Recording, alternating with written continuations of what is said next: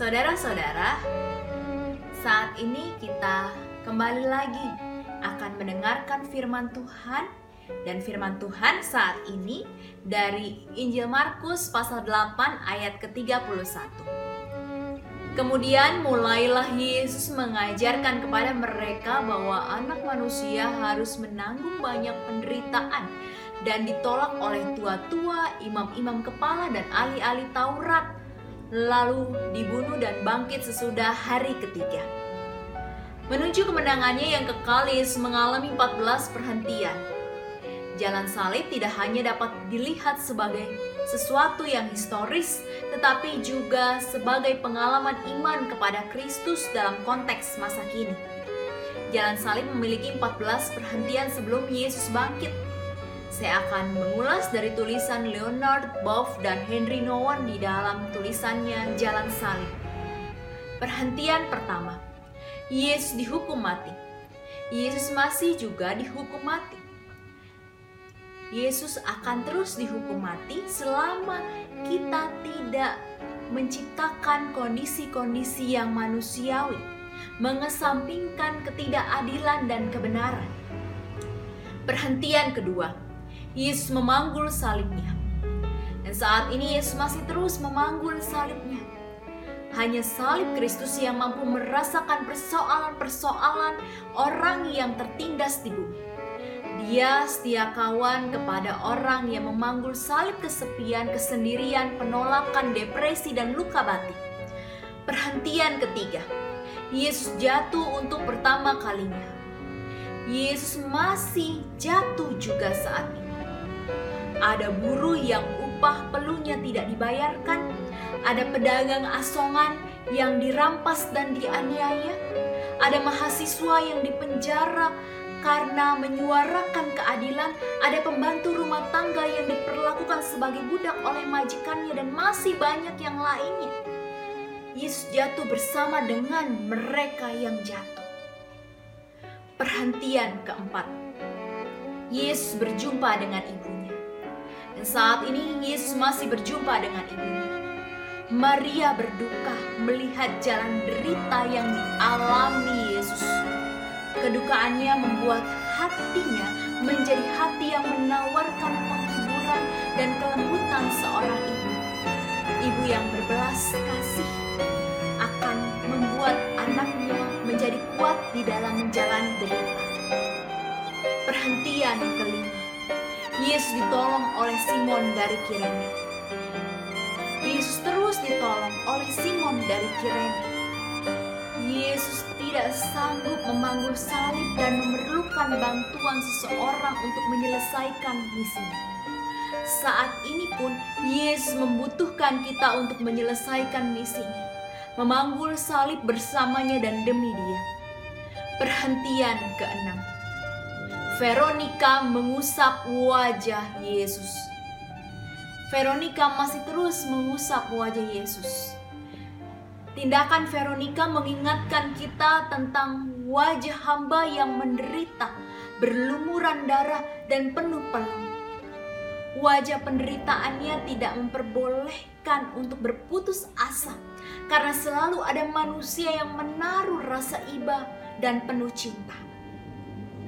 Perhentian ketujuh. Yesus jatuh untuk kedua kalinya. Yesus masih saja jatuh dan jatuh lagi. Kejatuhannya dan kejatuhan kita merupakan bagian sejati dalam jalan salib. Yesus bertemu dengan orang-orang yang menolaknya. Kita pun juga berjumpa dengan orang-orang yang menolak kita. Perhentian ke-8. Yesus menghibur para perempuan Yerusalem. Para perempuan masih saja menangisi Yesus. Kita pun harus menangis. Air mata kita dapat kita bawa di hadapan hati Yesus yang menangisi dunia kita. Dengan begitu kian hari, kita kian menjadi orang yang rendah hati. Perhentian kesembilan, Yesus jatuh untuk ketiga kalinya Yesus masih saja jatuh dan jatuh lagi. Yesus memanggul jatuhnya para pendosa secara menyedihkan dan berdiri kembali melanjutkan perjalanan untuk menyelamatkan pendosa. Perhentian ke-10. Pakaian Yesus ditanggalkan. Dan saat ini Yesus masih terus ditelanjangi. Yesus ditelanjangi supaya kita tertantang untuk memeluk kemiskinan kita dan kepapaan umat manusia. Kita akan menemukan bela rasa Tuhan yang amat besar. Kita mengenal bagaimana memberi, mengampuni, menawarkan bantuan dan menciptakan komunitas penuh kasih. Perhentian ke-11 Yesus disalibkan. Yesus masih terpaku pada salib. Dia disalibkan dalam diri orang-orang kecil yang tersisi dan diremehkan. Dia disalibkan dalam diri orang-orang yang dianiaya karena mereka haus akan keadilan. Dia disalibkan dalam diri jutaan orang yang setiap hari menderita kelaparan, kesepian, dan penganiayaan. Perhentian ke-12 Yesus wafat di kayu salib. Yesus masih wafat di kayu salib. Beribu-ribu manusia korban kekerasan meninggal setiap tahun. Beribu-ribu orang dibiarkan menanggung nasib mereka tanpa dukungan saudara-saudara seiman. Ada jutaan janin yang menjadi korban aborsi dan lain sebagainya.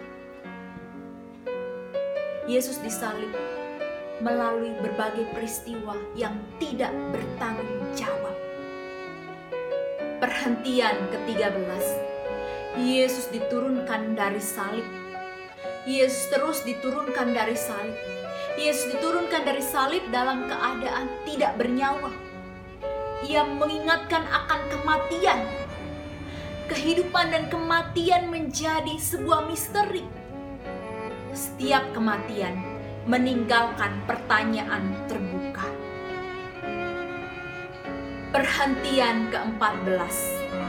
Yesus dimakamkan. Yesus masih tetap dimakamkan. Mereka semua yang mau seperti Yesus harus mengorbankan kehidupan mereka karena cinta. Demi kehidupan manusia yang lebih layak. Kematian bukan hanya tentang tubuh tetapi juga melenyapkan ego bagi sesama dan ciptaan lain. Tentangnya aku dan sekitarku. Via Dolorosa. Jalan penderitaan yang dialami Yesus mengingatkan akan kerapuhannya dan kemegahannya untuk menaklukkan dosa. Hadirnya wabah corona membuat kita dicelikan oleh Tuhan sebagai manusia yang rapuh dan tak pantas bermegah karena kita semua berdosa. Lukas pasal 5 ayat ke-32 Aku datang bukan untuk memanggil orang benar, tetapi orang berdosa supaya mereka bertobat. Selamat menjelang Triduum, nyatakan dosa dan tobat di hadapan Tuhan.